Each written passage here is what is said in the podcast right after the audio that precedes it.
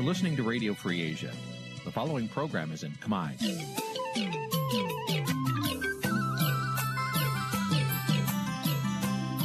Nǐ chi càm bi tiệp xáy vệt chiu a zì sê ray នេះជាកម្មវិធីផ្សាយរបស់ Vithu Azisari ជាភាសាខ្មែរ វត្តឈូអាស៊ីសេរីសូមស្វាគមន៍លោកអ្នកនាងទាំងអស់ពីរដ្ឋធានី Washington នៃសហរដ្ឋអាមេរិក។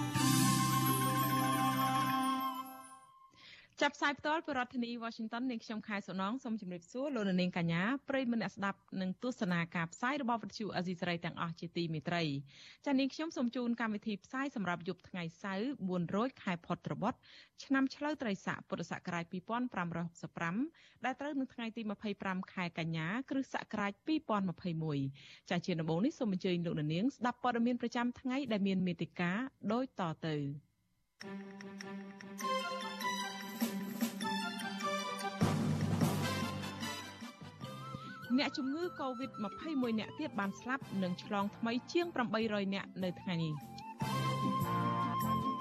លោកហ៊ុនសែនថាលោកធ្វើប្រហែសឲ្យប្រារព្ធពិធីបុណ្យភ្ជុំបិណ្ឌនាំឲ្យមានការឆ្លងជំងឺ Covid-19 ពលរដ្ឋរិះគន់របបក្រុងភ្នំពេញដែលចំណាយលុយសន្ធឹកសន្ធាប់ជួលក្រុមហ៊ុនបរទេសលុបលាងកេរ្តិ៍ឈ្មោះអាក្រក់តែយើងក៏នឹងមានបទវិភាគមួយដែរថាតើលោកហ៊ុនសែន អាចបោះបង់វៀតណាមហើយងាកទៅចាប់ចិនដែរឬទេ ចាស់រួមនឹងព័ត៌មានផ្សេងផ្សេងមួយចំនួនទៀត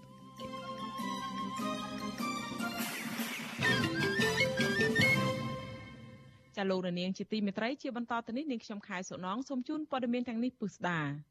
អ្នកជំងឺ Covid-19 ចំនួន21អ្នកទៀតបានស្លាប់ដែលធ្វើឲ្យករណីស្លាប់កើនឡើងដល់ទៅ2200អ្នកហើយចំពោះករណីឆ្លងថ្មីវិញមានជាង800អ្នកនៅក្នុងថ្ងៃដដែលនេះក្នុងនោះជាង100អ្នកជាករណីនាំចូលពីក្រៅប្រទេសគិតត្រឹមព្រឹកថ្ងៃទី25ខែកញ្ញាកម្ពុជាមានអ្នកកើតជំងឺ Covid-19 ជាង1សែននាក់ក្នុងនោះអ្នកជាសះស្បើយមានប្រមាណ1សែននាក់ ក្រសួងសុខាភិបាលប្រកាសថាគិតត្រឹមថ្ងៃទី24ខែកញ្ញាម្សិលមិញរដ្ឋាភិបាលចាក់វ៉ាក់សាំងជូនពលរដ្ឋបានជាង9លាន8សែននាក់ក្នុងចំណោមអ្នកដែលត្រូវចាក់សរុប10លាននាក់ចំណែកកុមារនិងយុវជនដែលមានអាយុចន្លោះពី6ឆ្នាំដល់17ឆ្នាំវិញក្រសួងបញ្ជាក់ថាចាក់វ៉ាក់សាំងបានជាង3លាននាក់ក្នុងចំណោមអ្នកដែលត្រូវចាក់សរុបជិត4លាននាក់ ទោះជាយ៉ាងណាចំនួនអ្នកឆ្លងជំងឺ Covid-19 ស្ថិតនៅកម្រិតខ្ពស់នៅឡើយដោយក្នុងមួយថ្ងៃមានចន្លោះពី600នាក់ទៅដល់800នាក់រីឯអ្នកស្លាប់វិញមានចន្លោះពី10នាក់ទៅជាង20នាក់ក្នុងមួយថ្ងៃទន្ទឹមនឹងគ្នានេះការបិទគប់ភូមិស្រុកនៅតែកើតមានជាហូរហែទាំងនៅរាជធានីភ្នំពេញនិងនៅតាមបណ្ដាខេត្តនានា ចាលោកនាងកញ្ញាប្រិមមអ្នកស្ដាប់ជាទីមេត្រីចាតកតងទៅនឹងវិបត្តិនៃការរីករាលដាលដោយជំងឺ Covid-19 នេះដែរមេដឹកនាំរបបឯកបៈលោកហ៊ុនសែនទទួលស្គាល់ថាលោកធ្វេសប្រហែសដែលអនុញ្ញាតឲ្យរៀបចំពិធីបុណ្យភ្ជុំបិណ្ឌនៅក្នុងឆ្នាំនេះដែលបណ្ដាលឲ្យផ្ទុះរាតត្បាតជំងឺ Covid-19 នៅតាមទីវត្តអារាមខណៈចំនួនអ្នកឆ្លងនិងស្លាប់ដោយជំងឺនេះបានកើនឡើងទ្វេដង សកម្មជនគណៈបកប្រឆាំងជឿថាលោកហ៊ុនសែនមិនមែនធ្វើប្រហែសនោះទេប៉ុន្តែទំនងជាចង់សាកល្បងមើលគុណភាពវ៉ាក់សាំងចិនច្រើនជាងទើបបានជាធ្វើឲ្យមានពិធីបុណ្យកាន់បិណ្ឌនិងភ្ជុំបិណ្ឌកាលពីដំបូងលោកនាយករដ្ឋមន្ត្រីហ៊ុនសែនបានប្រកាសផ្អាករៀបចំពិធីបុណ្យកាន់បិណ្ឌនិងភ្ជុំបិណ្ឌ ចាប់ពីបិណ្ឌទី4ដល់ថ្ងៃពិធីបុណ្យភ្ជុំបិណ្ឌប៉ុន្តែពុទ្ធបរិស័ទអាចយកចង្ហាន់និងទេយ្យទានវត្ថុប្រគេនព្រះសង្ឃដោយមានការសម្របសម្រួលពីអាជ្ញាធរមូលដ្ឋានលោកហ៊ុនសែនបង្ហោះសារសម្លេងលើ Facebook នៅថ្ងៃទី25ខែកញ្ញានេះថាការរាតត្បាតជំងឺ Covid-19 នៅតាមវត្តអារាមពេលនេះគឺជាបញ្ហាធ្ងន់ធ្ងរនិងគ្រោះថ្នាក់ដល់ជាតិនិងសាសនាប្រមុខរដ្ឋាភិបាលរូបនេះទទួលស្គាល់ថាលោកធ្វេសប្រហែស អនុញ្ញាតឲ្យរៀបចំពិធីបុណ្យកាន់បិណ្ឌនិងភ្ជុំបិណ្ឌអំឡុងពេលរាតត្បាតជំងឺ Covid-19 ដែលបណ្ដាលឲ្យចំនួនអ្នកឆ្លងនិងស្លាប់ដោយសារជំងឺនេះបានកើនឡើងជាបន្តបន្ទាប់លោកបញ្ជាក់ថារដ្ឋាភិបាលសម្រាប់ផ្អាករៀបចំពិធីបុណ្យកាន់បិណ្ឌនិងភ្ជុំបិណ្ឌវិញដើម្បីការពារអាយុជីវិតនិងសុខភាពរបស់ប្រជាពលរដ្ឋព្រោះការជួបជុំនិងប្រមូលផ្ដុំនៅតាមទីវត្តអារាមមិនបានអនុវត្តត្រឹមត្រូវតាមវិធានការសុខាភិបាល។ ខ្ញុំប្រកាសណាខ្ញុំពិតជាមានការព្រឺក្បាលយ៉ាងខ្លាំងប្រសិនបើថ្ងៃនេះមានប្រជាជនទៅតាមវត្តទាំងនោះជំងឺឆ្លងទាំងនោះនឹងឆ្លងទៅតាមទេហដ្ឋាន ទៅតាមក្រុមគូសារនីមួយៗតែម្ដងនេះយើងគ្រាន់តែយកសំណាក់នៅតាមទីអារាមនៅទីក្រុងភ្នំពេញប៉ុណ្ណោះយើងមិនតាន់បានយកសំណាក់តាមទីអារាមនានានៅតាមបណ្ដាខេត្តនៅឡើយទេ លោកហ៊ុនសែនថ្លែងបន្តទៀតថារដ្ឋាភិបាលរបស់លោកបានចាក់វ៉ាក់សាំងបង្ការជំងឺ Covid-19 ជូនប្រជាពលរដ្ឋបានចំនួនជិត13លាននាក់ក្នុងចំណោមអ្នកដែលត្រូវចាក់វ៉ាក់សាំងចំនួន14លាននាក់ប៉ុន្តែចំនួនអ្នកឆ្លងបានកើនឡើងវិញ។ លោកលើកហេតុផលថាវ៉ាក់សាំងដែលចាក់ជូនប្រជាពលរដ្ឋកន្លងមកគ្រាន់តែជួយកុំឲ្យអ្នកឆ្លងជំងឺនេះបានធ្លាក់ខ្លួនឈឺធ្ងន់ធ្ងរនិងស្លាប់តែប៉ុណ្ណោះតែលោកថាការដែលប្រកាន់នៅវិធានការសុខាភិបាលទៅវិញទេទើបជៀសផុតការឆ្លងរាលដាលនៃជំងឺ Covid-19 ជុំវិញរឿងនេះជំទប់ទី2ឃុំក្តីរុនស្រុកពួកខេត្តសៀមរាបដែលកំពុងភៀសខ្លួននៅប្រទេសថៃលោកឈុនវ៉ានលើកឡើងថាការដែល ផ្អាកពិធីបុណ្យកាន់បិណ្ឌនិងភ្ជុំបិណ្ឌនៅតាមទីវត្តអារាម បានធ្វើឲ្យលោកដាក់ការសង្ស័យថាលោកហ៊ុនសែនទំនងជាធ្វើចង់ធ្វើតេស្តសាកល្បងលើគុណភាពវ៉ាក់សាំងរបស់ចិនយុវជនរូបនេះមើលឃើញថាវិធានការសុខាភិបាលនិងយុទ្ធសាស្ត្ររបស់របបលោកហ៊ុនសែនពឹងផ្អែកទៅលើវ៉ាក់សាំងបង្ការជំងឺ Covid-19 របស់ចិនកន្លងមកនោះគឺមិនទាន់ធានាប្រសិទ្ធភាពដើម្បីការពារសុខភាព និងជីវភាពរបស់ប្រជាពលរដ្ឋបាននៅឡើយទេ ចឹងបើសិនជាការបិទជាបន្តបន្ទាប់បិទមួយផ្នែកឬក៏ទុកមួយផ្នែកនឹងអាចជាការពិសោធន៍នៃវ៉ាក់សាំងចិនតែម្ដងព្រោះយើងឃើញថាក្នុងឡុងពេលដែលចិនបានមកទស្សនកិច្ចនៅក្នុងប្រទេសកម្ពុជាឡងទៅប្រហែលថ្ងៃនេះគឺថាដូររបស់ចិនដែលឲ្យមកប្រទេសកម្ពុជាទី1គឺជាវ៉ាក់សាំងវាជាកិច្ចសហប្រតិការមួយរវាងកម្ពុជាជាមួយនឹងចិនក្នុងការយកវ៉ាក់សាំងរបស់ចិនមកពិសោធន៍នៅក្នុងប្រទេសកម្ពុជាអានេះយើងគួរមានការព្រួយបារម្ភ ចាតតងទៅនឹងបញ្ហានេះអ្នកសិក្សាស្រាវជ្រាវការអភិវឌ្ឍសង្គមបណ្ឌិតសេងសារីសង្កេតឃើញថាការផ្ទុះជំងឺ Covid-19 នេះបណ្ដាលមកពីការជួបជុំរបស់ប្រជាពលរដ្ឋនៅតាមផ្ទះដោយមិនអនុវត្តតាមវិធានសុខាភិបាលពេញលេញផង និងប្រសិទ្ធភាពទប់ស្កាត់របស់អាជ្ញាធរពាក់ព័ន្ធផងលោកគាំទ្រដែលរដ្ឋាភិបាលបានសម្រេចចាត់ផ្អាកពិធីបុណ្យកាន់បិណ្ឌនិងភ្ជុំបិណ្ឌដោយផ្អែកលើទិន្នន័យបច្ចេកទេសនិងលក្ខណៈវិទ្យាសាស្ត្រ លោកមើលឃើញថាកន្លងមកការសម្រេចចិត្តរបស់លោកនាយករដ្ឋមន្ត្រីហ៊ុនសែនមិនបានផ្អែកលើលក្ខណៈវិទ្យាសាស្ត្រសុខាភិបាលនោះទេប៉ុន្តែការសម្រេចពេលនេះហាក់បង្ហាញចំហស្របទៅនឹងអ្នកបច្ចេកទេសនិងទទួលយកមតិរិះគន់ដើម្បីប្រយោជន៍ទប់ស្កាត់ជំងឺ Covid-19 បើសិនជារដ្ឋាភិបាលមានឆន្ទៈនៅក្នុងការចាប់ផ្ដើមស្ដាប់ឬក៏ព្យាយាមយល់អំពីគំនិតផ្ទុយហើយយកគំនិតផ្ទុយហ្នឹងមកជាធៀបចូលនៅក្នុងការសម្រេចចិត្តក្នុងការអនុវត្តការងារដើម្បីឲ្យដំណើរការដឹកនាំរដ្ឋវាប្រសើរឡើងវាមានផលប្រយោជន៍ដល់ពលរដ្ឋអាហ្នឹងខ្ញុំគិតថាវាជារឿងមួយដែលគួរឲ្យចាប់អារម្មណ៍ខ្ញុំគិតថាពលរដ្ឋបច្ចុប្បន្ននេះលោកយល់ថាតើវាប្រព័ន្ធបែបណាដែលជាការសម្ដែងវាបបែបណាជាការធ្វើការពិតប្រាកដណាចាវិធានការ ប្រយុទ្ធប្រឆាំងនឹងជំងឺ Covid-19 របស់រដ្ឋាភិបាលកម្ពុជាត្រូវបានសាធារណជននិងអ្នកតាមដានស្ថានភាពមួយចំនួនរិះគន់ថាជាវិធានការដែលមានលក្ខណៈនយោបាយច្រើនជាងលក្ខណៈបច្ចេកទេសព្រោះសេចក្តីសម្រេចចិត្តភាគច្រើនចេញមកពីលោកហ៊ុនសែនដោយមិនឆ្លើយតបបានត្រឹមត្រូវនិងទាន់ពេលវេលាដល់ប្រជាពលរដ្ឋនោះទេ ជាពិសេសលោកតែងតែច្រានចោលនៅមតិផ្ទុយនានាជាងនេះទៅទៀត ទោះជាកម្ពុជាមានវ៉ាក់សាំងកាន់តែច្រើនក៏ដោយក៏តួលេខឆ្លងថ្មីនិងអ្នកស្លាប់ដោយសារជំងឺ Covid-19 មិនបានថមថយនោះឡើយ។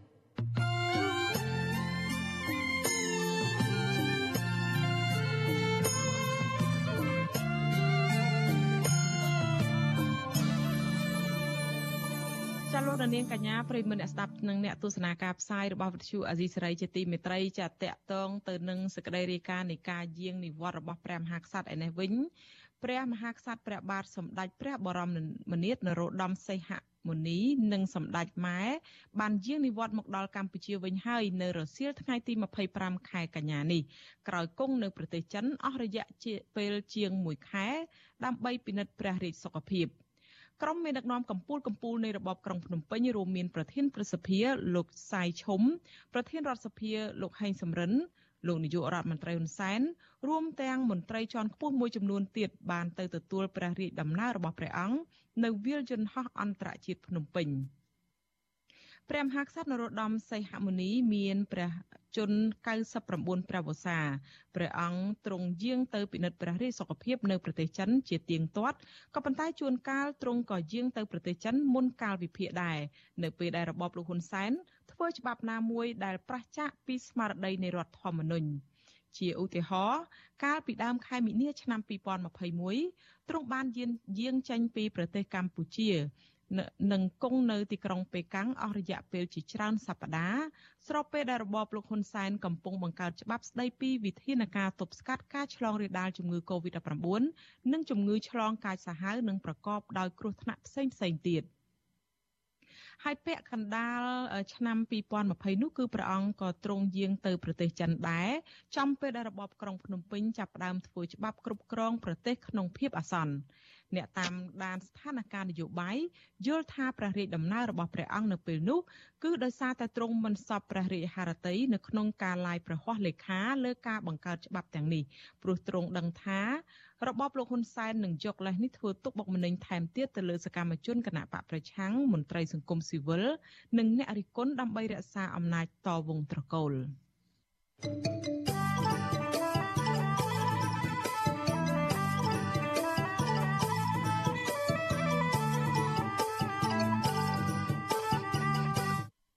ចាលោកនាងកញ្ញាប្រិមម្នាក់ស្ដាប់និងអ្នកទស្សនាការផ្សាយរបស់វិទ្យុអាស៊ីសេរីជាទីមេត្រីចាប្រជាពលរដ្ឋមួយចំនួនខកចិត្តដែលរបបក្រុងភ្នំពេញចំណាយលុយដល់ច្រើនសន្ធឹកសន្ធាប់ក្នុងមួយខែមួយខែ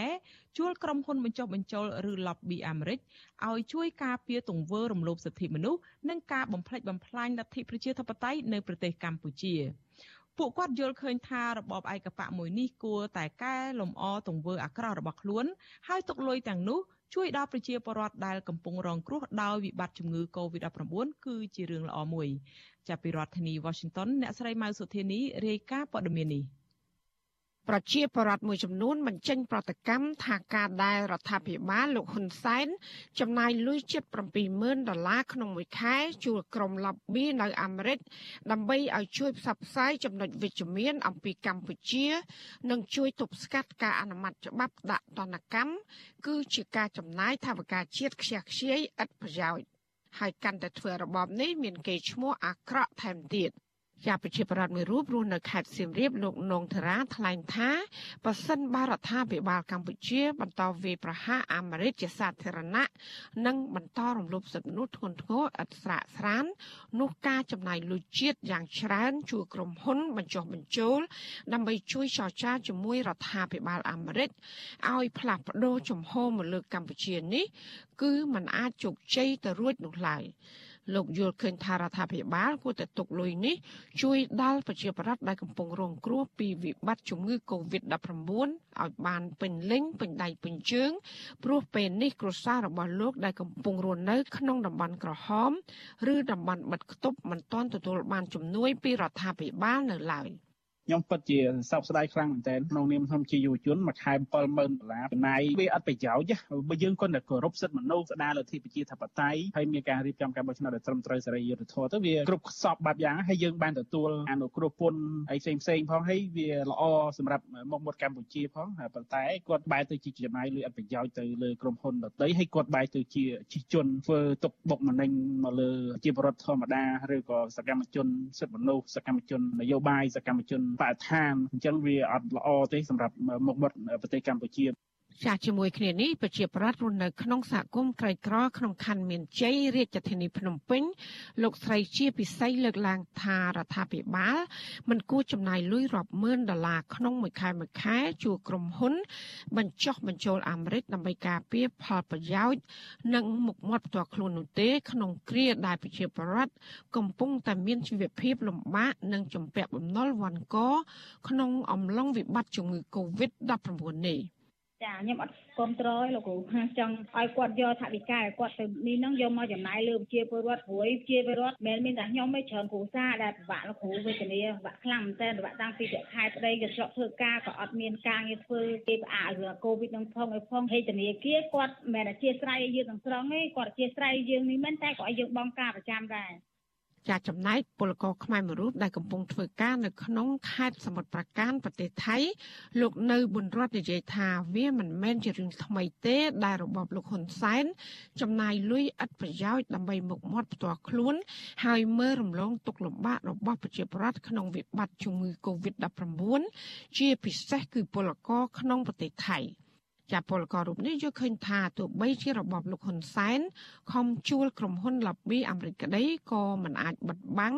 អំពីអំពើរំលោភសិទ្ធិមនុស្សនិងការបំផ្លាញលទ្ធិប្រជាធិបតេយ្យនៅកម្ពុជាបានឡើយ។ បើសិនជារដ្ឋាភិបាលមានចិត្តស្រឡាញ់ប្រជាពលរដ្ឋពិតប្រាកដថាជាគាត់ទុកលុយនឹងមកជួយប្រជាពលរដ្ឋវិញដែលកំពុងតែជួបប្រទះនឹងបញ្ហា COVID-19 នឹងធ្វើឲ្យសេដ្ឋកិច្ចរបស់គាត់នឹងធ្លាក់ចុះដុនដាបខ្លាំងគាត់យកលុយនឹងបង្វែរមកជួយវិញខ្ញុំគិតថាប្រជាប្រិយភាពរបស់គាត់កាន់តែកើនឡើងធ្វើឲ្យប្រជាពលរដ្ឋយើងនឹងគោរពស្រឡាញ់គាត់ឡើងវិញអញ្ចឹងណាខ្ញុំគិតថាការចំណាយលុយជាច្រើនលានដុល្លារអញ្ចឹងក្នុងមួយឆ្នាំមួយឆ្នាំទៅខាងប្រទេសគេអញ្ចឹងគិតថាវាជាចំណុចមួយដែលมันអាចបិទបាំងទេគឺប្រជាពលរដ្ឋឥឡូវហ្នឹងគឺគាត់មានចំណេះដឹងកាន់តែច្រើនឡើងច្រើនឡើងអញ្ចឹងគិតគិតថារដ្ឋាភិបាលហ្នឹងអសមត្ថភាពក្នុងការជួយជំរុញប្រទេសបែរជាទៅសោកប៉ាន់គេឬក៏ទៅឲ្យខាងក្រុមហ៊ុនគេនៅក្រៅប្រទេសហ្នឹងជួយបិទបាំង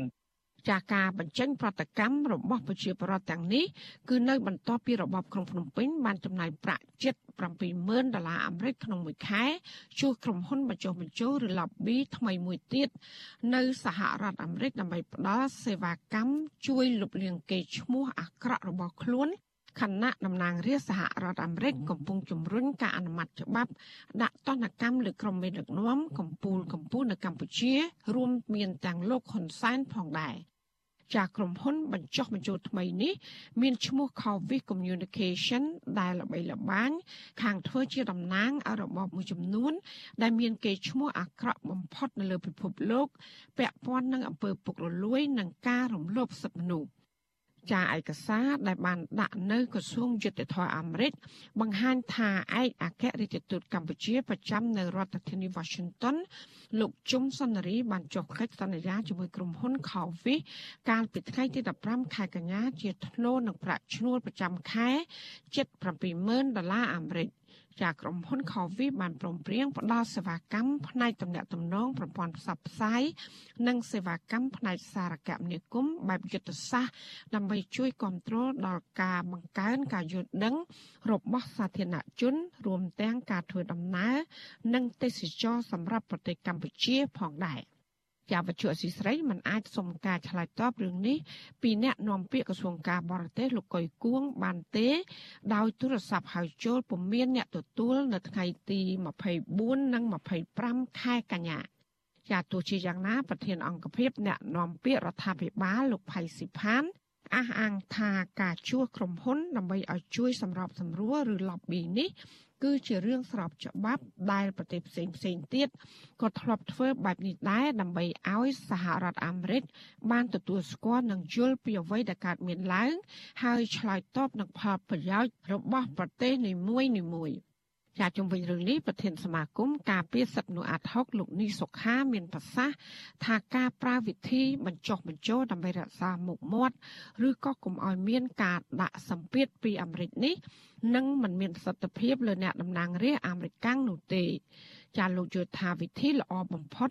គឺមានតែស្ដារលទ្ធិប្រជាធិបតេយ្យនិងការគោរពសិទ្ធិមនុស្សឡើងវិញ ដែលមិនចាំបាច់ចំណាយលុយហើយចំណេញទាំងមុខមាត់រដ្ឋាភិបាល និងប្រទេសកម្ពុជាទាំងមូល។ ប្រសិនបើរដ្ឋាភិបាលមានការចំណាយប្រាក់ជួលក្រុមហ៊ុនការលបពីជារឿងមួយដែលខ្ជះខ្ជាយទៅលើការចំណាយថវិកាទេបាទបើយើងមើលទៅទោះបីថាក្រុមហ៊ុននឹងគាត់ខិតខំជួយការលបពីយ៉ាងណាក៏ដោយពីព្រោះថាគេក៏គេមានការមើលអំពីទស្សនវិជ្ជារួមឬក៏ទស្សនវិជ្ជាទស្សនវិជ្ជាជាក់ស្ដែងសម្រាប់នៅប្រទេសកម្ពុជាយើងដែរយើងមិនបាច់ទៅខិតខំជួលក្រុមហ៊ុនដើម្បីទៅលបពីទេពីព្រោះពួកគេក៏គេមានអ្នកតាមដានស្ថានភាពនឹងដែរមុននឹងគេធ្វើអ្វីៗមួយចានេះគឺជាលើកទី3ហើយដែលរបបក្រុងភ្នំពេញបានចំណាយលុយជាតិរាប់សែនដុល្លារក្នុងមួយឆ្នាំមួយឆ្នាំ ដើម្បីជួលក្រុមហ៊ុនអាមេរិកកាំងដែលជំនាញច្បាប់ និងទំនាក់ទំនងសាធារណៈឲ្យផ្ដល់សេវាកម្មបញ្ចុះបញ្ចូលរដ្ឋាភិបាល និងស្ថាប័ននីតិបញ្ញត្តិដើម្បីផ្លាស់ប្ដូរគោលនយោបាយរបស់សហរដ្ឋអាមេរិកមកលើកម្ពុជា។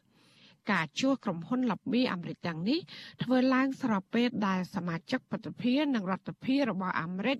មកពីគណៈបកសាធារណរដ្ឋនិងគណៈបកប្រជាធិបតេយ្យ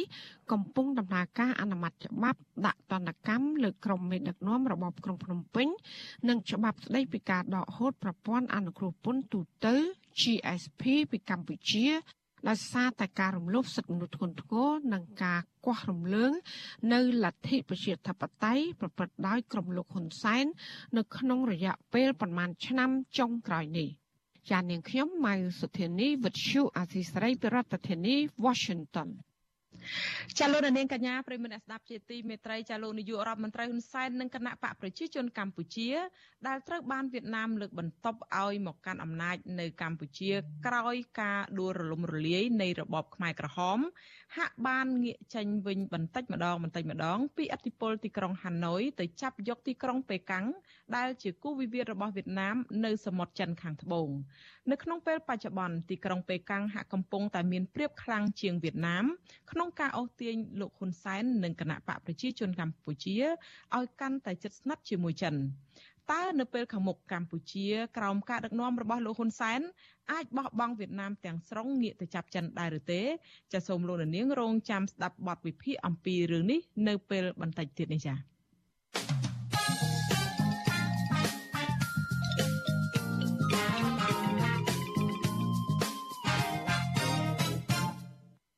ចាលោកនាងកញ្ញាប្រិមនៈស្ដាប់ជាទីមេត្រីអតីតសមាជិកសភាអូស្ត្រាលីអះអាងថាក្រមអ្នកច្បាប់និងមន្ត្រីសិទ្ធិមនុស្សអន្តរជាតិរួមទាំងអ្នកពាក់ព័ន្ធសំខាន់សំខាន់ផ្សេងទៀតបានរួមគ្នាបង្កើតគណៈកម្មការរកការពិតមួយដើម្បីស្រាវជ្រាវពីការរំលោភសិទ្ធិមនុស្សប្រជាធិបតេយ្យនិងការមិនអនុវត្តតាមកិច្ចព្រមព្រៀងសន្តិភាពទីក្រុងប៉ារី23ដុល្លាររបស់រដ្ឋាភិបាលលោកហ៊ុនសែន ក្រុមនេះនឹងជួបជជែកគ្នាលើកទី1នៅថ្ងៃទី23ខែតុលាខាងមុខនេះគឺចំខួបចំនួនមក30ឆ្នាំនៃកិច្ចព្រមព្រៀងសន្តិភាពទីក្រុងប៉ារីចាប់ពីរដ្ឋធានី Washington លោកសេចបដិទ្ធមានសេចក្តីរាយការណ៍អំពីរឿងនេះអតីតសមាជិកអូស្ត្រាលីលោកហុងលឹមប្រាប់បទសុអសីស្រីនៅថ្ងៃទី25ខែកញ្ញាថាគណៈកម្មការរោគការពិតនេះបានបែងចែកការងារខ្លួន ដូចជាសមាជិកគណៈកម្មការមានតួនាទីសួរដេញដោលក្រមមន្ត្រីសិទ្ធិមនុស្សអន្តរជាតិដែលឃ្លាំមើលការរំលោភសិទ្ធិមនុស្សនៅកម្ពុជា ធ្វើជាសាក្សីនិងសាច់ញាតិជនរងគ្រោះដែលត្រូវបានសម្លាប់ក្នុងរបបលោកហ៊ុនសែនឡើងថ្លែងការពីបញ្ហារបស់ខ្លួន លោកថាក្រៅពីនេះក៏មានការចូលរួមពីសមាជិកអូស្ត្រាលី និងក្រុមអ្នកច្បាប់អន្តរជាតិផងដែរលោកបន្តថាគណៈកម្មការរកការពិត និងជជែកពិភាក្សាតាមអនឡាញចំនួន6ដង ហើយលើកទី1នឹងចាប់ផ្ដើមនៅចំថ្ងៃខួបលើកទី30នៃកិច្ចព្រមព្រៀងសន្តិភាពទីក្រុងប៉ារីថ្ងៃទី23ខែតុលាខាងមុខគេហៅពួកសាកសីសំខាន់សំខាន់អង្គការអស់នឹងមក រៀបរាប់ពីចៃខ្លះដែលបំពេញបំពេញនឹងសិទ្ធិសញ្ញាកុងប៉ារីហ្នឹងណាដែលដូច្នេះគឺសិទ្ធិជាមនុស្សដែលសំខាន់ខាងធំធំនឹង Amnesty International មិនគិតដែរហើយនឹងពួក Democracy Institute ណា NDI នេះណាបាទហើយនឹង IRI ទៀតនឹងហើយពួក Freedom House សិទ្ធិពួកខាងតកតងសិទ្ធិមនុស្សណាលោកហុងលឹមដែលជាអ្នកផ្ដួចផ្ដើមម្នាក់នៃគណៈកម្មការនេះឲ្យដឹងទៀតថា គោលបំណងនៃការបង្កើតគណៈកម្មការនេះដើម្បីឲ្យភាគីពាក់ព័ន្ធសិក្សាស្រាវជ្រាវ និងបង្ហាញពីការរំលោភសិទ្ធិមនុស្សប្រជាធិបតេយ្យរបស់រដ្ឋាភិបាលកម្ពុជា លោកឲ្យដឹងទៀតថាក្រមនេះនឹងផ្ដោតសំខាន់លើការពិនិត្យនៃការអនុវត្តរបស់រដ្ឋាភិបាលលោកហ៊ុនសែនក្នុងការគោរពនិងអនុវត្តកិច្ចព្រមព្រៀងសន្តិភាពទីក្រុងប៉ារីរយៈពេល30ឆ្នាំកន្លងមកនេះលោកឲ្យដឹងទៀតថា ប្រសិនបើរកឃើញថារដ្ឋាភិបាលលោកហ៊ុនសែនបានរំលោភបំពានលើករណីទាំងនេះពួកគេនឹងចេញសេចក្តីថ្លែងការណ៍ថ្កោលទោសរដ្ឋាភិបាលលោកហ៊ុនសែននិងស្នើទៅសហគមន៍អន្តរជាតិជាពិសេសក្រមប្រទេសហត្ថលេខីនៃកិច្ចព្រមព្រៀងសន្តិភាពទីក្រុងប៉ារីជួយធ្វើអន្តរាគមន៍ឲ្យរដ្ឋាភិបាលលោកហ៊ុនសែនងាកមករកគន្លងប្រជាធិបតេយ្យឡើងវិញ មានយុទ្ធវិធីដែលអង្គការអន្តរជាតិទាំងមូលហ្នឹងទាំងអស់ហ្នឹងដែលគេអាចមកឲ្យជាចិត្តឲ្យជាកំណត់ឲ្យជាអីធ្វើសេចក្តីពីនេះឬជាអន្តរធ្វើឲ្យទៀមទាទៅប្រទេសហត្ថលេខីពាក់ព័ន្ធហ្នឹងគឺថាឲ្យគិតគូររួមជួបបានមកធ្វើឲ្យបានសិទ្ធិសញ្ញាកុំប៉ានីហ្នឹងគឺថាវាមានសុពលភាពឡើងវិញសឹមទៅតាមគោលបំណងដែលអ្នកដែលអង្គការហវិជាបានរៀបចំតាំងពី30ឆ្នាំមុនហ្នឹងណាបាទសមាជិកសភាខ្មែរអូស្ត្រាលីប្រចាំរដ្ឋ Victoria លោកហុងលឹម ត្រូវបានតុលាការកម្ពុជាចោទប្រកាន់ពីបទញុះញង់កាលពីឆ្នាំ2016រដ្ឋាភិបាលលោកហ៊ុនសែនក៏បានចេញបំរាមមិនឲ្យលោកហុងលឹមចូលប្រទេសកម្ពុជារដ្ឋាភិបាលលោកហ៊ុនសែនត្រូវបានមតិជាតិនិងអន្តរជាតិរិះគន់ថាបានរំលោភស្មារតីនៃកិច្ចព្រមព្រៀងសន្តិភាពទីក្រុងប៉ារីសដែលធ្វើឲ្យកម្ពុជាងាកទៅរកចិនខ្លាំងនិងអាចធ្វើឲ្យមានវិបត្តិនយោបាយនិងសេដ្ឋកិច្ច រហូតត្រូវទទួលទណ្ឌកម្មពីប្រទេសលោកសេរីដោយសពថ្ងៃនេះអ្នកនាំពាក្យគណៈបកប្រជាជនកម្ពុជាលោកសុកអេសាននិយាយថា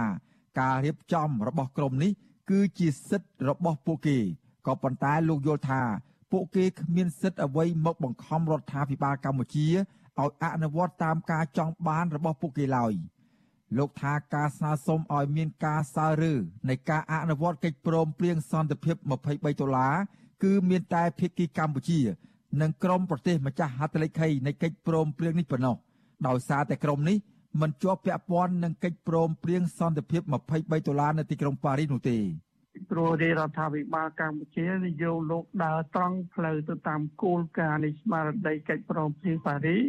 ហើយដែលស្មារតីសំខាន់សំខាន់បានដាក់បញ្ចូលទៅក្នុងក្លឹបសាររដ្ឋធម្មនុញ្ញនៃប្រជាណាចក្រកម្ពុជារួចហើយដែលដូចជាការធ្វើនេះវាត្រឹមចេតនាទុច្ចរិតដើម្បីដាក់បន្ទុកស្រាវជ្រាវយ៉ាងណាក៏ដោយពីព្រោះវាមានពូរេវិនិច្ឆ័យរួចទៅហើយចង់ដាក់បន្ទុកដាក់កំហុសមកលើរាជរដ្ឋាភិបាលគណៈបកប្រជាជនកម្ពុជាក្នុងការដឹកនាំប្រទេសនឹងឯងកិច្ចព្រមព្រៀងសន្តិភាពទីក្រុងប៉ារីសត្រូវបានបង្កើតឡើងដោយភាគីខ្មែរ4ក្រុម កាលពីថ្ងៃទី23ខែតុលាឆ្នាំ1991ដោយមានតំណាងមកពី19ប្រទេសចូលរួមដើម្បីបញ្ចប់សង្គ្រាមនៅក្នុងប្រទេសកម្ពុជា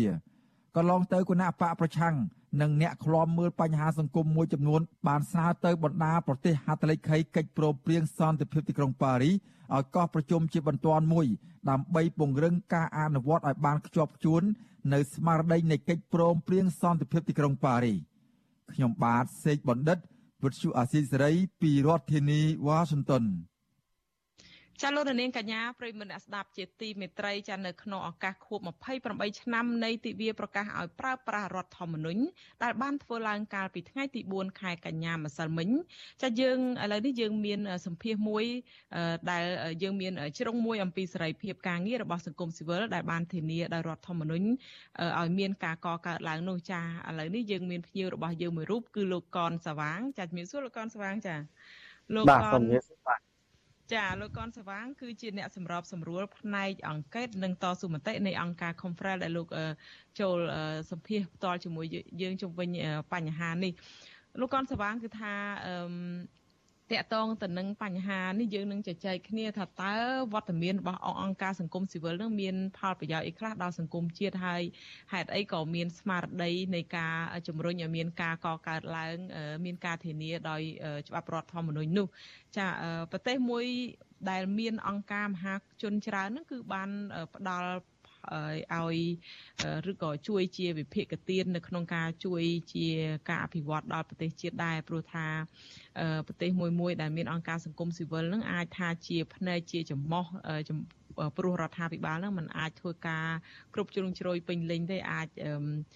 នៅមានភាពខ្វះចន្លោះអីចឹងដែរប៉ុន្តែសូម្បីតែសហរដ្ឋអាមេរិកនេះក៏គេមានអង្គការសង្គមស៊ីវិលច្រើនដែរចាហើយសង្គមដែលគ្មានអង្គការសង្គមស៊ីវិលសោះហ្នឹងយើងដឹងហើយដោយសង្គមនៅអឺ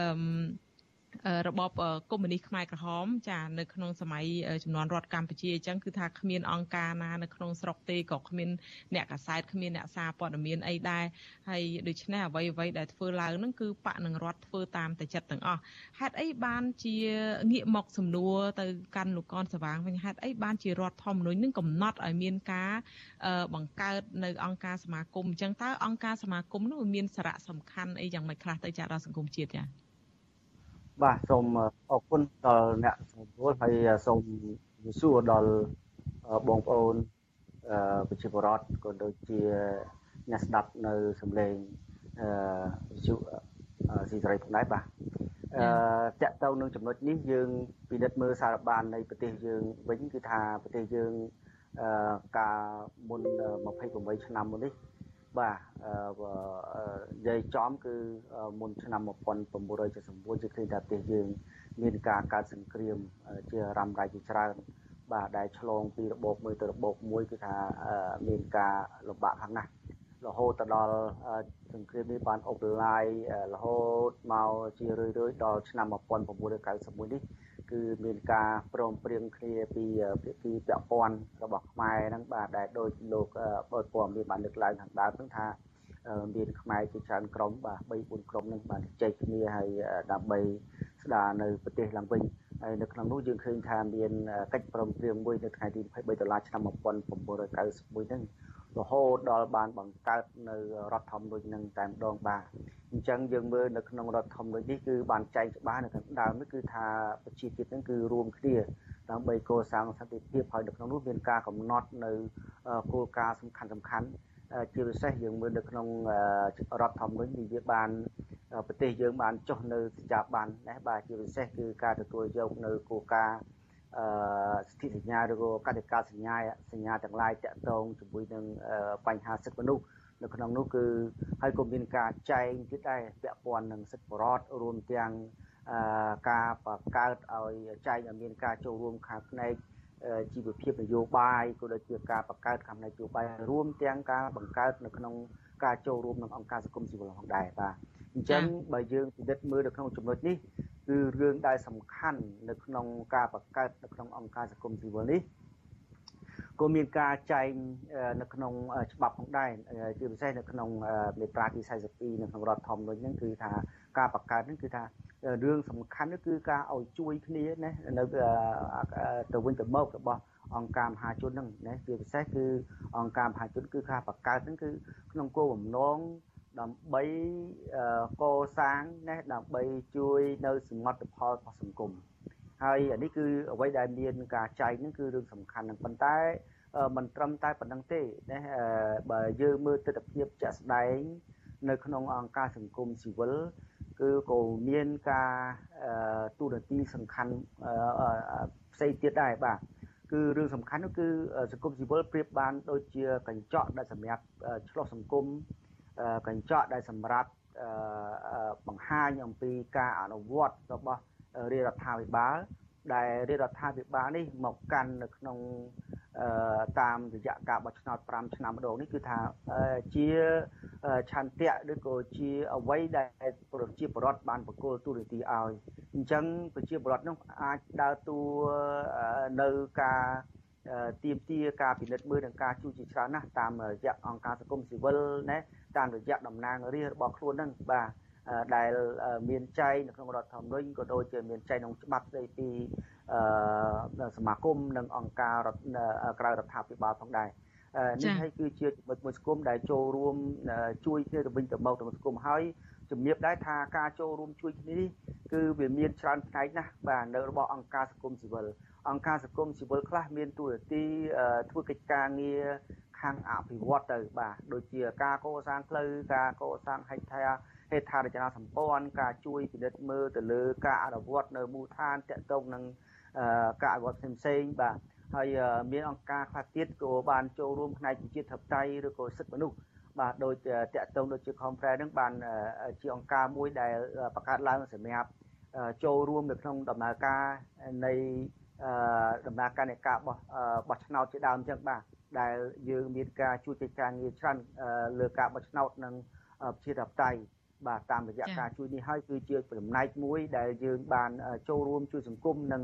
ធ្វើឲ្យសង្គមនេះមានការយល់ដឹងនិងពង្រឹងនៅគោលការណ៍លទ្ធិប្រជាធិបតេយ្យបាទ ចាលោកកនសវាងបានលើកឡើងអំពីសារៈប្រយោជន៍សារៈសំខាន់របស់ក្រុមអង្គការសង្គមស៊ីវិលហើយលោកក៏បានលើកនៅចំណុចមួយនឹងតកតងនឹងត្រង់មេត្រា42ចានៃច្បាប់នៃរដ្ឋធម្មនុញ្ញនឹងគឺត្រង់ចម្ពោះទី3អំពីសិទ្ធិនិងករណីកិច្ចរបស់ប្រជាពលរដ្ឋនឹងត្រង់ចំណុចនេះខ្ញុំចង់លើកអានជូនលោកអ្នកនាងបន្តិចទេគឺថាមេត្រា42នឹងចែងថាប្រជាពលរដ្ឋមានសិទ្ធិបង្កើតសមាគមនិងអង្គការនយោបាយនិងគណៈបកនយោបាយ សិទ្ធិនេះត្រូវកំណត់នៅក្នុងច្បាប់ហើយប្រជាពលរដ្ឋទាំងឡាយអាចចូលរួមនៅក្នុងអង្គការមហាជនជួយគ្នាទៅវិញទៅមក ការពារសមិទ្ធផលជាតិនិងសន្តិភាពសង្គមចាតើងាកមករឿងស្ថានភាពនៅក្នុងប្រទេសកម្ពុជាយើងបច្ចុប្បន្នវិញលោកកនស្វាងមើលឃើញថាមានការឆ្លើយតបនិងធានាដោយដែលមានចែងនៅក្នុងស្មារតីនៃរដ្ឋធម្មនុញ្ញអីបែបណាដែរចា៎បាទអឺសូមអរគុណតាមពិតទៅដំណើរការនៃការឆ្លើយតបអឺ នៅក្នុងការអនុវត្តនៅក្នុងចំណុចនេះគឺមានចំណុចខ្លះក៏អាចអនុវត្តបានហើយចំណុចខ្លះក៏មិនទាន់បានពេញលេញផងដែរបាទសម្រាប់នៅអង្គការសង្គមស៊ីវិលជាពិសេសអង្គការសង្គមស៊ីវិលជាតិនិងអន្តរជាតិអីជាដើមចឹងហើយយើងមើលឃើញនៅក្នុងរដ្ឋធម្មនុញ្ញនេះគឺបានចែងការចូលរួមជួយគ្នានៅក្នុងអង្គការមហាជនជាដើមប៉ុន្តែជាទូទៅការអនុវត្តនៅចំណុចខ្លះ ការចែងនៅក្នុងច្បាប់គឺថាយើងឃើញថាវាមានភាពល្អប្រសើរហើយកន្លែងខ្លះគឺអនុវត្តបានកន្លែងខ្លះក៏មានការអនុវត្តទៅវាមានចំណុចចន្លោះប្រហោងណាប៉ុន្តែទោះបីយ៉ាងណាក៏ដោយភាពចាក់ស្ដែងនៅក្នុងមូលដ្ឋានដែលអាជ្ញាធរថ្នាក់ក្រោមជាតិនៅក្នុងការ អនុវត្តនៅក្នុងគោលការណ៍នៃច្បាប់នេះគឺថាមិនបានពេញលេញទេអឺជាយើងមើលឃើញនៅចំណុចដែលមិនបានពេញលេញហ្នឹងគឺចំណុចមួយចំនួនដែលយើងធ្លាប់បានទៅជែកហើយជាមួយនឹងក្រសួងមហាផ្ទៃបាទជាមួយនឹងភាគីពាក់ព័ន្ធផ្សេងៗប៉ុន្តែដំណើរការនេះក៏នៅតែមានការខ្វះខាតដែរឧទាហរណ៍ដូចជាយើងមើលឃើញនៅក្នុងច្បាប់ដែលមិនត្រូវបាន ឲ្យមានការអនុញ្ញាតនៅក្នុងសកម្មភាពទេប៉ុន្តែការអនុញ្ញាតតទៅសកម្មភាពរបស់អង្គការសង្គមស៊ីវិលមួយចំនួនមានការរាំងស្ទះដោយសារតែអាជ្ញាធរណាលោកត្រូវការទៀមទានៅឯកសារឬក៏បែបបទនេះឬក៏ការអនុញ្ញាតនេះអនុអនុញ្ញាតនោះជាដើមអញ្ចឹងប៉ុន្តែជាទូទៅនៅក្នុងច្បាប់គឺมันបានចែងអំពីការអនុញ្ញាតទេហើយរហូតទៅដល់ការចេញរបស់ក្រសួងមួយលើកជាពីរលើករហូតដល់3លើកមិនឲ្យមានការ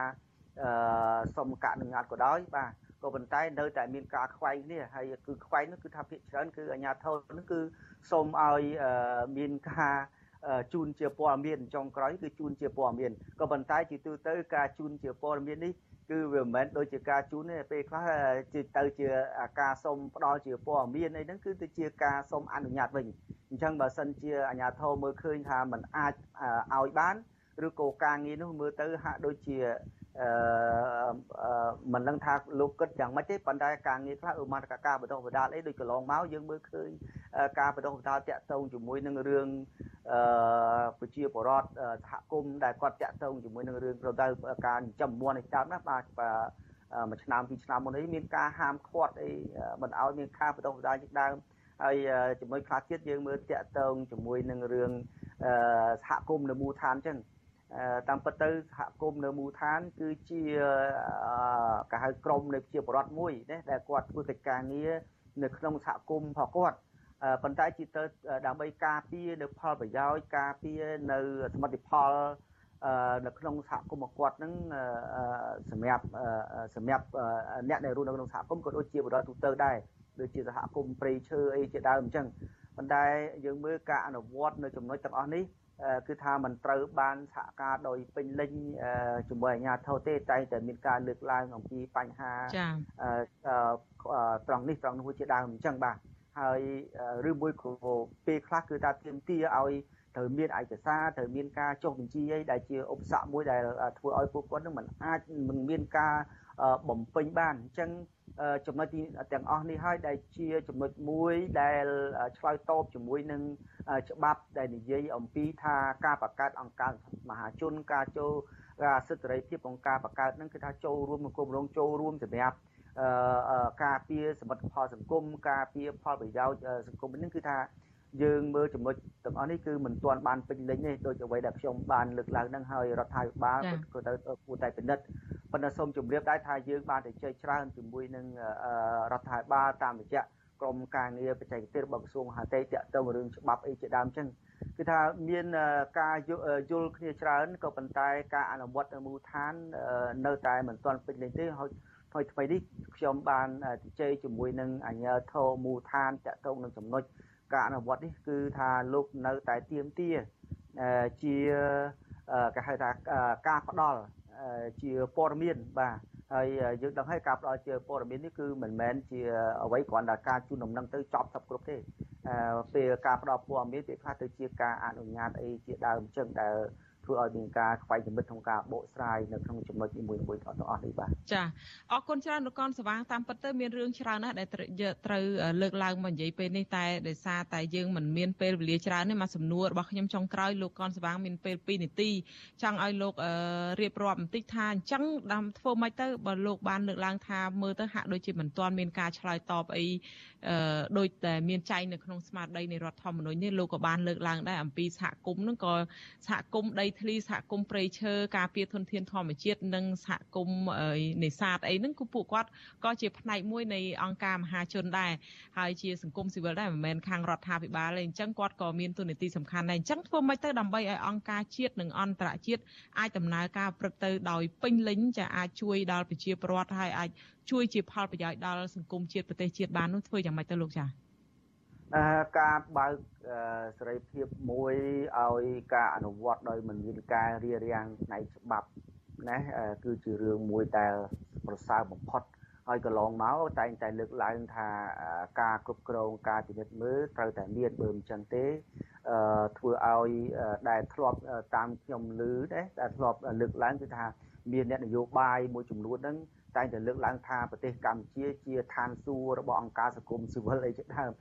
តាមពិតវាមិនមែនជារឿងមួយដោយការលើកឡើងទេយើងមើលច្បាប់នៅក្នុងក្រមព្រហ្មទណ្ឌក៏មាននៅក្នុងរដ្ឋបមនីក៏មានដែរក្រមរដ្ឋបមនីក៏មានស្ថិតតែមានច្បាប់ទាំងអស់អញ្ចឹងការអនុវត្តទាំងឡាយណាដែលខុសហ្នឹងគឺថាអាចអនុវត្តប្រើប្រាស់ច្បាប់ទាំងអស់ហ្នឹងបានណាមិនបាច់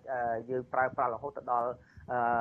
មេត្រាខ្លះដែលធ្វើឲ្យវាមានការរាំងស្ទះដល់ដំណើរការ របស់អង្គការសង្គមស៊ីវិលទេព្រោះអង្គការសង្គមស៊ីវិលគឺគោលបំណងសំខាន់គឺថាជួយទៅដល់ប្រជាពលរដ្ឋណាបាទសម្រាប់ជួយដល់រាជរដ្ឋាភិបាលដែលជាកញ្ចក់មួយបង្ហាញនូវភាពខ្វះខាតឬក៏ភាពដែលមិនទាន់បានពេញលេញប៉ុន្តែបើសិនជាកញ្ចក់នេះត្រូវបានមិនបានជូតឲ្យទៅបានបំបែកចក់ឬកញ្ចក់ហ្នឹងឬយកកញ្ចក់ហ្នឹងទៅទុកចេញទុកចោលដោយមិនបានពិនិត្យមើល ហើយជាបន្ទោកញ្ចក់ហ្នឹងប្រហាទៅវាខុសនេះខុសនោះអាហ្នឹងគឺវាមិនមែនជារឿងមួយដែលល្អទេអញ្ចឹងរឿងសំខាន់គឺថាអឺទទួលយកនៅការពិតហើយធ្វើការដោះស្រាយអញ្ចឹងទៅគឺហើយកុំឲ្យមានឧបសគ្គទៅដល់នៃការអនុវត្តនៅគោលការណ៍សកម្មភាពដោយសេរីដោយដោយដោយត្រឹមត្រូវទៅអាហ្នឹងគឺជាចំណុចមួយដែលយើងមានការឆ្លើយតបហើយការពារ និងអភិវឌ្ឍប្រទេសជាតិទាំងអស់នៅគ្នាហើយបាទចាអរគុណច្រើនលោកកនស្វាងដែលលោកបានចែកចំណាយពេលមានតម្លៃចូលរួមនៅក្នុងការផ្ដល់បទសម្ភាសឲ្យវិទ្យុអេស៊ីត្រីនេះរាត្រីនេះចាសូមអរគុណនិងជំរាបលាលោកស្វាងត្រឹមប៉ុណ្ណេះសិនចាបាទសូមអរគុណបាទជំរាបលាបាទ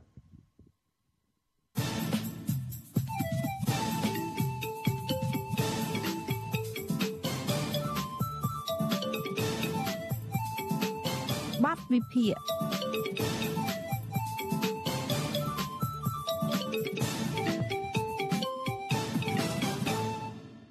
ចាលោកនាងកញ្ញាប្រិមនៈស្ដាប់ជាទីមេត្រីចាលោកនាយករដ្ឋមន្ត្រីហ៊ុនសែននិងគណៈបកប្រជាជនកម្ពុជា ដែលត្រូវបានវៀតណាមលើកបន្ទប់ឲ្យកាន់ដំអំណាចនៅកម្ពុជា ក្រោយការដួលរលំរលាយនៃរបបខ្មែរក្រហម ហាក់បានងាកចេញបន្តិចម្ដងបន្តិចម្ដង ពីអធិបតេយ្យទីក្រុងហាណូយទៅចាប់យកទីក្រុងប៉េកាំងដែលជាគូវិវាទរបស់វៀតណាមនៅសមុទ្រចិនខាងត្បូង ក្នុងពេលបច្ចុប្បន្ននេះទីក្រុងប៉េកាំងហាក់កំពុងតែមានព្រៀបខ្លាំងជាងវៀតណាមនៅក្នុងការអូសទាញលោកហ៊ុនសែននិងគណៈបកប្រជាជនកម្ពុជាឲ្យកាន់តែជិតស្និទ្ធជាមួយចិនតើនៅពេលខាងមុខកម្ពុជាក្រោមការដឹកនាំរបស់របបលោកហ៊ុនសែនអាចបោះបង់ចោលវៀតណាមទាំងស្រុងងាកទៅចាប់ចិនដែរឬទេចាសសូមអញ្ជើញលោកនាងស្ដាប់បទវិភាគមួយរបស់លោកសេមរិតអំពីរឿងនេះយ៉ាងពិស្ដារដូចតទៅ។ ក្រោយការដួលរលំនៃរបបខ្មែរក្រហម នៅដើមឆ្នាំ1979លោកហ៊ុនសែនដែលកាលនោះទើបតែមានអាយុ27ឆ្នាំមិនត្រូវបានមេដឹកនាំវៀតណាមលើកបន្ទប់ឲ្យកាន់តំណែង ក្នុងជួរថ្នាក់ដឹកនាំកម្ពុជាកម្ពុជានៃរបបថ្មី គឺរបបសាធារណរដ្ឋប្រជាមានិតកម្ពុជានោះទេរហូតដល់ថ្ងៃទី14ខែមករាឆ្នាំ1985 ទើបលោកទទួលបានតំណែងជានាយករដ្ឋមន្ត្រីជាផ្លូវការជាតំណែងដែលលោកបានកាន់រហូតមកទល់នឹងពេលបច្ចុប្បន្ននេះតាមការលើកឡើងរបស់លោកប៉ែនសវណ្ណដែលជាអតីតនាយករដ្ឋមន្ត្រីកម្ពុជា មុនលោកច័ន្ទស៊ីនិងលោកហ៊ុនសែនបានឲ្យដឹងថា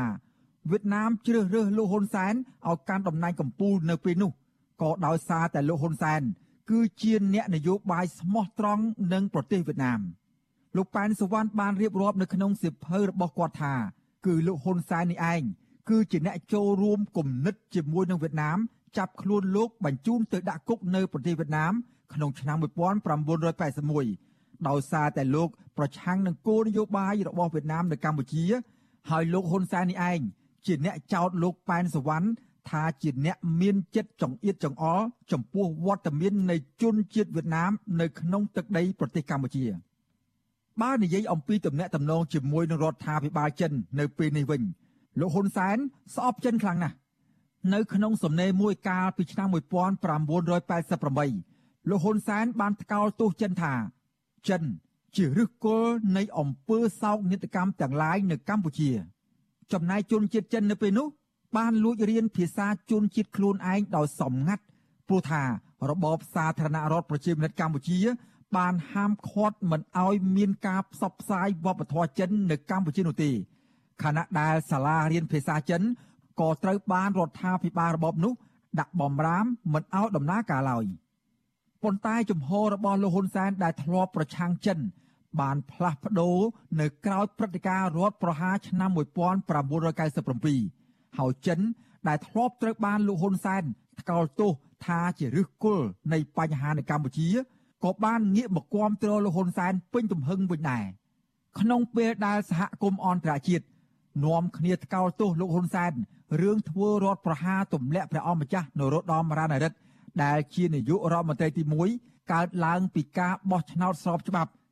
ចិនក៏ជាប្រទេសដំបូងគេបង្អស់បានចេញមុខទទួលស្គាល់ភាពស្របច្បាប់របស់រដ្ឋាភិបាលលោកហ៊ុនសែននៅមុនពេលងាកមកគាំទ្រលោកហ៊ុនសែន ចិនធ្លាប់ជាអ្នកគាំទ្រដ៏មុតមមមួយរបស់គណៈបកហ្វុនស៊ីពេចតាំងពីទសវត្សរ៍ឆ្នាំ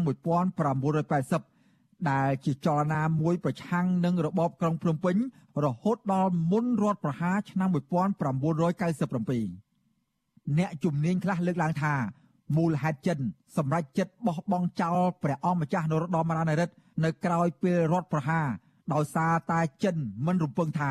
ព្រះអង្គម្ចាស់អង្គនេះ អាចវិលត្រឡប់មកកាន់អំណាចដូចដើមវិញឡើយបន្ថែមពីលើនេះហើយប្រហែលជាមូលហេតុសំខាន់បំផុតនោះអ្នកជំនាញថា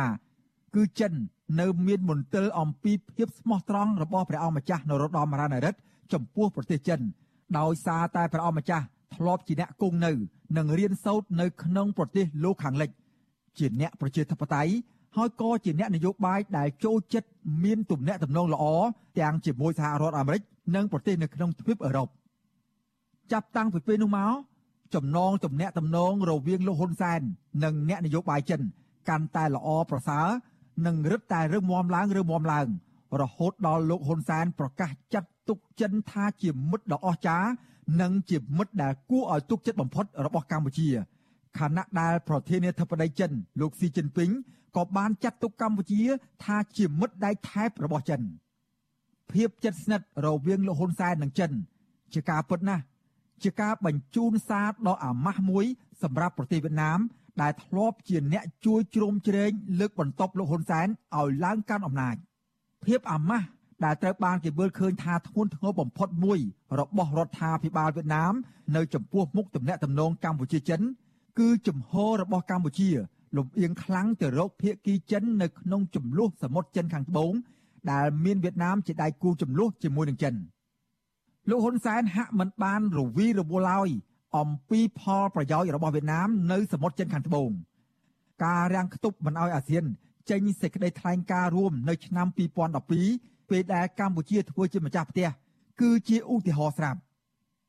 និន្នាការខ្លាំងក្លារបស់លោកហ៊ុនសែនទៅខាងចិននៅពេលនោះ ត្រូវបានពលរដ្ឋវៀតណាមជាអ្នកលេង Facebook ខ្លះចេញមករិះគន់លោកហ៊ុនសែនចំចំតែម្ដង ដោយចាត់ទុកលោកហ៊ុនសែនថាជាមនុស្សរមើលគុណក្បត់នឹងប្រទេសវៀតណាម ដែលធ្លាប់បានជួយជ្រោមជ្រែងលោកនៅក្នុងអតីតកាលក៏ប៉ុន្តែភាសារិះគន់ធ្ងន់ធ្ងរដូចនេះគេមិនធ្លាប់បានឮចេញពីមាត់របស់អ្នកនយោបាយវៀតណាមនោះឡើយទោះជាយ៉ាងណា ជាការឆ្លើយតបទៅកាន់ពលរដ្ឋវៀតណាម ហើយប្រហែលជាទៅកាន់រដ្ឋាភិបាលវៀតណាមដែរក៏ថាបាន គឺលោកហ៊ុនសែនហាក់មិនបានទុកមុខទុកមាត់ឲ្យវៀតណាម ដែលជាមិត្តចាស់ជិតស្និទ្ធបំផុតនោះដែរលោកហ៊ុនសែនបានឆ្លើយបែបឌឺដងទៅវិញថាវៀតណាមមិនមែនជាឪពុកម្ដាយរបស់លោក ហើយក៏មិនមែនជាស្ដេចឬក៏ជាចៅហ្វាយនាយរបស់លោកនោះដែរអ្នកដែលលោកត្រូវស្មោះត្រង់ជាមួយ គឺពលរដ្ឋខ្មែរព្រះមហាក្សត្រនិងប្រពន្ធរបស់លោក លោកហ៊ុនសែនសុំកុំឲ្យវៀតណាម យករឿងរ៉ាវផ្ទៃក្នុងរបស់ខ្លួន មកទម្លាក់កំហុសលើរូបលោក ចំណែកក្រសួងការបរទេសកម្ពុជាក៏បានចេញសេចក្តីថ្លែងការណ៍ថ្កោលទោសពលរដ្ឋវៀតណាម ចំពោះការប្រមាថមកលើលោកហ៊ុនសែនផងដែរគេពិបាកប្រកែកណាស់ថាទំនាក់ទំនងរវាងលោកហ៊ុនសែននិងចិន មានភាពល្អប្រសើរជាងទំនាក់ទំនងរវាងលោកហ៊ុនសែននិងរដ្ឋាភិបាលវៀតណាមក្នុងពេលបច្ចុប្បន្ន អ្នកជំនាញផ្នែកទំនាក់ទំនងអន្តរជាតិរបស់វៀតណាមខ្លះចាត់ទុកកម្ពុជា ថាជាសម្ព័ន្ធមិត្តរបស់ចិន នៅក្នុងតំបន់រួចទៅហើយដោយសារតែពួកគេមើលឃើញថា កម្ពុជាមានទំនាក់ទំនងល្អជាមួយចិនស្ទើរគ្រប់វិស័យតាំងពីនយោបាយការទូតសេដ្ឋកិច្ចពាណិជ្ជកម្មជំនួយបរទេសសមុទ្រចិនខាងត្បូងគម្រោងខ្សែក្រវ៉ាត់និងផ្លូវនិងកិច្ចសហប្រតិបត្តិការផ្នែកយោធាព្រោះតែបច្ចុប្បន្នចិន គឺជាអ្នកផ្ដល់ជំនួយផ្នែកយោធាច្រើនជាងគេមកដល់របបលហ៊ុនសែនបើប្រៀបធៀបជាមួយនឹងប្រទេសវៀតណាមដែលជាមិត្តចាស់អាចទទួលបានផលច្រើននៅក្នុងទំនាក់ទំនងជាមួយនឹងចិនរាប់តាំងពីនយោបាយសេដ្ឋកិច្ចពាណិជ្ជកម្មការទូតជំនួយការបរទេសនិងយោធាហើយជាពិសេសចិនក៏អាចជាមហាអំណាចដែលអាចការពាររបបលហ៊ុនសែនតាមរយៈការទទួលស្គាល់ភាពស្របច្បាប់នៃរបបរបស់លោក បើទោះបីជាលោកបំផ្លាញលទ្ធិប្រជាធិបតេយ្យឬក៏ធ្វើទុកបុកម្នេញលើសកម្មជននយោបាយសិទ្ធិមនុស្សនិងសង្គមស៊ីវិលយ៉ាងណាក្តីរឿងនេះចិនបានធ្វើជាច្រើនដងរួចមកហើយទោះបីយ៉ាងណាក៏ដោយរបបលោកហ៊ុនសែនហាក់មិនបានបោះបង់ចោលប្រទេសវៀតណាមទាំងស្រុងនោះដែរគេសង្កេតឃើញថាការផ្លាស់ប្ដូរដំណើរទស្សនកិច្ចរវាងថ្នាក់ដឹកនាំនិងមន្ត្រីកម្ពុជាកម្ពុជានៃប្រទេសទាំងពីរនៅតែបន្តកើតមានជាហូរហែ ភាគីទាំងពីរនៅតែបន្តរក្សាទំនាក់ទំនងល្អនៅក្នុងការជំរុញការផ្ដោះប្ដូរពាណិជ្ជកម្មនិងវិនិយោគជាពិសេសនៅស្ទើរតែរាល់ជំនួបថ្នាក់ដឹកនាំនយោបាយនៃប្រទេសទាំងពីរគេតែងតែបដិញ្ញាគោរពនៅឯករាជ្យអធិបតេយ្យបូរណភាពទឹកដី ការមិនជ្រៀតជ្រែកចូលកិច្ចការផ្ទៃក្នុងនៃប្រទេសរៀងៗខ្លួន ការមិនអនុញ្ញាតឲ្យភាគីណាមួយប្រើប្រាស់ទឹកដីសម្រាប់បង្កអសន្តិសុខដល់ប្រទេសទាំងពីរ និងការសន្យាដោះស្រាយចំនួនរវាងប្រទេសទាំងពីរដោយសន្តិវិធីជាដើមទំនាក់ទំនងរវាងថ្នាក់ដឹកនាំខេត្តរបស់កម្ពុជាជាមួយនឹងថ្នាក់ដឹកនាំខេត្តដែលជាប់ព្រំប្រទល់ជាមួយនឹងប្រទេសវៀតណាមក៏មានដែរមានការបង្កើនកិច្ចសហប្រតិបត្តិការថែរក្សាសន្តិសុខនៅតាមព្រំដែនការបង្ក្រាបការជួញដូរមនុស្សនិងគ្រឿងញៀនជាដើមលើសពីនេះភាគីវៀតណាមក៏តែងតែស្នើឲ្យរដ្ឋាភិបាលកម្ពុជា ជួយមើលថែទាំពលរដ្ឋវៀតណាមឲ្យដូចប្រជាពលរដ្ឋដទៃទៀតដែលកំពុងរស់នៅលើទឹកដីកម្ពុជា ក្រៅពីនោះជនជាតិវៀតណាមក៏ត្រូវបានរបបលោកហ៊ុនសែនអនុញ្ញាតឲ្យបង្កើតសមាគមនៅស្ទើរតែគ្រប់ខេត្តក្រុងទូទាំងប្រទេសខណៈដែលស្ទូបអនុស្សាវរីយ៍មិត្តភាពកម្ពុជាវៀតណាមក៏ត្រូវបានសាងសង់ពីពេញប្រទេសផងដែរបើនិយាយអំពីកិច្ចសហប្រតិបត្តិការនៅក្នុងតំបន់វិញ កម្ពុជានិងវៀតណាមក៏នៅមានជំហររួមនៅក្នុងរឿងខ្លះដែរដោយជាការរួមគ្នាប្រឆាំងទៅនឹងគម្រោងសាងសង់ទំនប់វារីអគ្គិសនីនៅខ្សែទឹកខាងលើនៃទន្លេមេគង្គរបស់ប្រទេសឡាវដែលអាចបង្កផលប៉ះពាល់ដល់កម្ពុជា និងវៀតណាមដែលស្ថិតនៅខ្សែទឹកខាងក្រោមនៃទន្លេមេគង្គកម្ពុជាមិនអាចបោះបង់ចោលវៀតណាមបានទាំងស្រុងនោះទេក្រៅតែពីជាសមាជិកអាស៊ានដូចគ្នា និងជាប្រទេសជិតខាងភូមិផងរបងជាមួយគ្នា កម្ពុជានៅមានរឿងសំខាន់សំខាន់មួយចំនួន ដែលត្រូវដោះស្រាយជាមួយភាគីវៀតណាម ជាពិសេសគឺការដោះស្រាយបញ្ហាព្រំដែនគោកដែលនៅសេសសល់និងព្រំដែនទឹកប្រកបដោយភាពចម្រូងចម្រាសរហូតមកទល់នឹងពេលនេះភាគីកម្ពុជានិងវៀតណាមសម្រេចបានការបោះបង្គោលព្រំដែនគោកចំនួន84%រួចមកហើយចំណែកព្រំដែនទឹកវិញ គឺនៅទាំងស្រុងតែម្ដង អ្នកវិភាគធ្លាប់មើលឃើញថាភាពមិនចុះសម្រុងគ្នា រវាងអ្នកនយោបាយខ្មែរអំពីការកំណត់ព្រំដែនជាមួយនឹងប្រទេសវៀតណាមអាចនឹងធ្វើឲ្យមានបញ្ហាបោះបង្គោលព្រំដែននេះអូសបន្លាយពេលយូរអង្វែងបន្តទៀតក្នុងពេលជាមួយគ្នានេះភាគីវៀតណាមហាក់នៅមិនទាន់មានភាពស្មោះត្រង់ជាមួយនឹងកម្ពុជា អំពីការដោះស្រាយបញ្ហាព្រំដែននេះនៅឡើយទេ ជាញឹកញយវៀតណាម បានលួចសង់បន្ទាយឬក៏ប៉ុស្តិ៍យាមនៅលើតំបន់សឬតំបន់មិនទាន់ដោះស្រាយរួចរាល់នៅតាមបណ្ដោយព្រំដែនរហូតទាល់តែកម្ពុជាតវ៉ាខ្លាំងទើបអាញាធរវៀតណាមព្រមរុះរើដកចេញទៅវិញទង្វើទាំងនេះបានធ្វើឲ្យពលរដ្ឋខ្មែរបន្តមានមន្ទិលសង្ស័យចំពោះមហិច្ឆតាលួចទឹកដីខ្មែរពីសំណាក់ប្រទេសវៀតណាមមែនតែនទៅ នៅពេលដែលនិយាយដល់រឿងទឹកដីពលរដ្ឋខ្មែរ មិនដែលទុកចិត្តវៀតណាមម្ដងណាឡើយហើយពលរដ្ឋខ្មែរមួយភាគធំក៏មិនចង់ឲ្យរដ្ឋាភិបាលកម្ពុជា មានភាពល្អអង្អើនខ្លាំងពេកជាមួយនឹងរដ្ឋាភិបាលវៀតណាមនោះដែរព្រោះខ្លាចថាកម្ពុជាអាចធ្លាក់ក្នុងអន្ទាក់កលល្បិចរបស់វៀតណាមដូចក្នុងពេលអតីតកាលទោះយ៉ាងណាការបែរទិសដៅរបស់កម្ពុជា ទៅជិតស្និទ្ធជាមួយនឹងប្រទេសចិនជ្រុលហួសហេតុពេកក៏កំពុងបង្កជាការបារម្ភសម្រាប់ប្រជាពលរដ្ឋខ្មែរផងដែរ ការពិតណាស់ទាំងប្រទេសវៀតណាមក្តីទាំងចិនក្តីសុទ្ធតែធ្លាប់បានចូលរួមបង្កការលំបាកនិងវិនិស្សកម្មនៅកម្ពុជា ក្រៅពីធ្លាប់បានធ្វើបាប សង្កត់សង្កិនពូជសាសន៍ខ្មែរនៅក្នុងពេលអតីតកាលវៀតណាមក៏បានលេបយកទឹកដីខ្មែរស្ទើរមួយចំហៀងនគរនៅកម្ពុជាក្រោមធ្វើឲ្យខ្មែរក្រោមជាម្ចាស់ស្រុករស់នៅខ្វះសិទ្ធិសេរីភាពលើទឹកដីកំណើតដូនតារបស់ខ្លួនរហូតមកដល់ពេលបច្ចុប្បន្ន រីឯវត្តមាននៃជនជាតិវៀតណាមនៅលើទឹកដីកម្ពុជាបច្ចុប្បន្ននៅតែបន្តធ្វើឲ្យពលរដ្ឋខ្មែរមានក្តីបារម្ភនិងពុំសូវសប្បាយចិត្តនោះឡើយចំណែកចិនវិញចិនធ្លាប់បានគាំទ្ររបបខ្មែរក្រហម ដែលប្រព្រឹត្តអំពើប្រល័យពូជសាសន៍នៅកម្ពុជា ក្នុងពេលដែលពួកគេកាន់អំណាចរីឯក្នុងពេលបច្ចុប្បន្នក៏មានពលរដ្ឋខ្មែរមិនតិចទេ ដែលរងទុក្ខវេទនាបាត់បង់ដីធ្លីស្រែចម្ការ ផ្ទះសម្បែង ប្រទេសបាត់បង់ធនធានធម្មជាតិធនធានរ៉ែនិងការបំផ្លិចបំផ្លាញបរិស្ថាន ដោយសារការវិនិយោគរបស់ក្រុមហ៊ុនចិននេះគេនៅមិនទាន់និយាយដល់បញ្ហាអសន្តិសុខជាច្រើនបង្កឡើងដោយជនជាតិចិនរស់នៅក្នុងទឹកដីកម្ពុជាផងនោះទេរដ្ឋាភិបាលចិនក៏មិនដែលរវីរវល់ដល់រឿងអធិបតេយ្យនិងការរំលោភសិទ្ធិមនុស្សនៅកម្ពុជានោះដែរបើទោះបីជាចិន ក៏ជាប្រទេសម្ចាស់ហត្ថលេខីនៃកិច្ចព្រមព្រៀងសន្តិភាពទីក្រុងប៉ារីសឆ្នាំ1991ក្តីជារួមលោកហ៊ុនសែនហាក់មិនបានបោះបង់វៀតណាមចោលទាំងស្រុងនោះទេប៉ុន្តែនៅក្នុងពេលជាមួយគ្នាលោកហ៊ុនសែនក៏បានព្យាយាមបង្កើនភាពស្និទ្ធស្នាលជាមួយចិនជ្រុលហួសហេតុពេកដែរដែលធ្វើឲ្យពលរដ្ឋខ្មែរមួយចំនួនធំ មានការបារម្ភអំពីជោគវាសនារបស់ប្រទេសកម្ពុជា នៅចំពោះមុខការប្រកួតប្រជែងឥទ្ធិពលភូមិសាស្ត្រនយោបាយរបស់ប្រទេសមហាអំណាចនៅក្នុងតំបន់ការប្រកាន់ភ្ជាប់នៅគោលការណ៍មិនយកប្រទេសណាជាសត្រូវការប្រកាន់ភ្ជាប់នៅគោលនយោបាយការបរទេសអព្យាក្រឹតអចិន្ត្រៃយ៍មិនចូលបកសម្ព័ន្ធនិងសន្តិសុខសហវិជ្ជមានជាមួយនឹងប្រទេសជិតខាង និងប្រទេសផ្សេងទៀតនៅលើពិភពលោកយ៉ាងពិតប្រាកដមួយត្រូវបានគេមើលឃើញថា ជាជំរើសដ៏ល្អបំផុតសម្រាប់ប្រទេសកម្ពុជា នៅពេលបច្ចុប្បន្នខ្ញុំបាទសេកបណ្ឌិតវិទ្យុអាស៊ីសេរីពីរដ្ឋធានីវ៉ាស៊ីនតោន ចាលោកនាងកញ្ញាប្រិមនៈស្ដាប់ជាទីមេត្រីព្រះមហាក្សត្រព្រះបាទសម្ដេចព្រះបរមនាថនរោត្តមសីហមុនីនិងសម្ដេចម៉ែបានយាងនិវត្តន៍មកដល់កម្ពុជាវិញហើយនៅរសៀលថ្ងៃទី25ខែកញ្ញានេះក្រោយគង់នៅប្រទេសចិនអស់រយៈពេលជាង1ខែដើម្បីពិនិត្យព្រះរាជសុខភាព។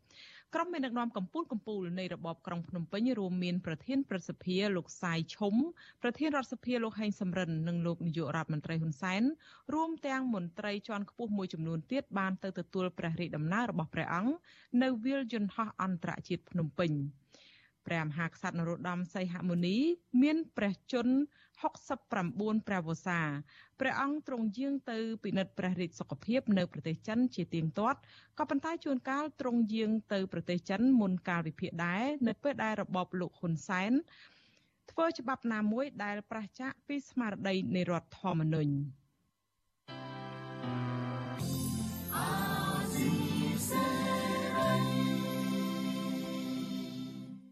ចាលោកនាងកញ្ញាប្រិយមិត្តអ្នកស្ដាប់និងអ្នកទស្សនាការផ្សាយរបស់វិទ្យុអាស៊ីសេរីទាំងអស់ជាទីមេត្រីចាការផ្សាយរបស់យើងរយៈពេល1ម៉ោងមកនេះបានឈានមកដល់ទីបញ្ចប់ហើយចានាងខ្ញុំខែសុណងសូមអរគុណនិងជូនពរដល់លោកនាងកញ្ញាទាំងអស់ឲ្យជួបប្រកបតែនឹងសេចក្តីសុខចម្រើនរុងរឿងកំបីគ្លៀងគ្លាតឡើយនិងសូមឲ្យជៀសផុតឆ្ងាយពីជំងឺដ៏កាចសាហាវនេះចានាងខ្ញុំនិងក្រុមការងារវិទ្យុអាស៊ីសេរីទាំងអស់សូមអរគុណនិងសូមជម្រាបលាចារិត្រីសួស្តី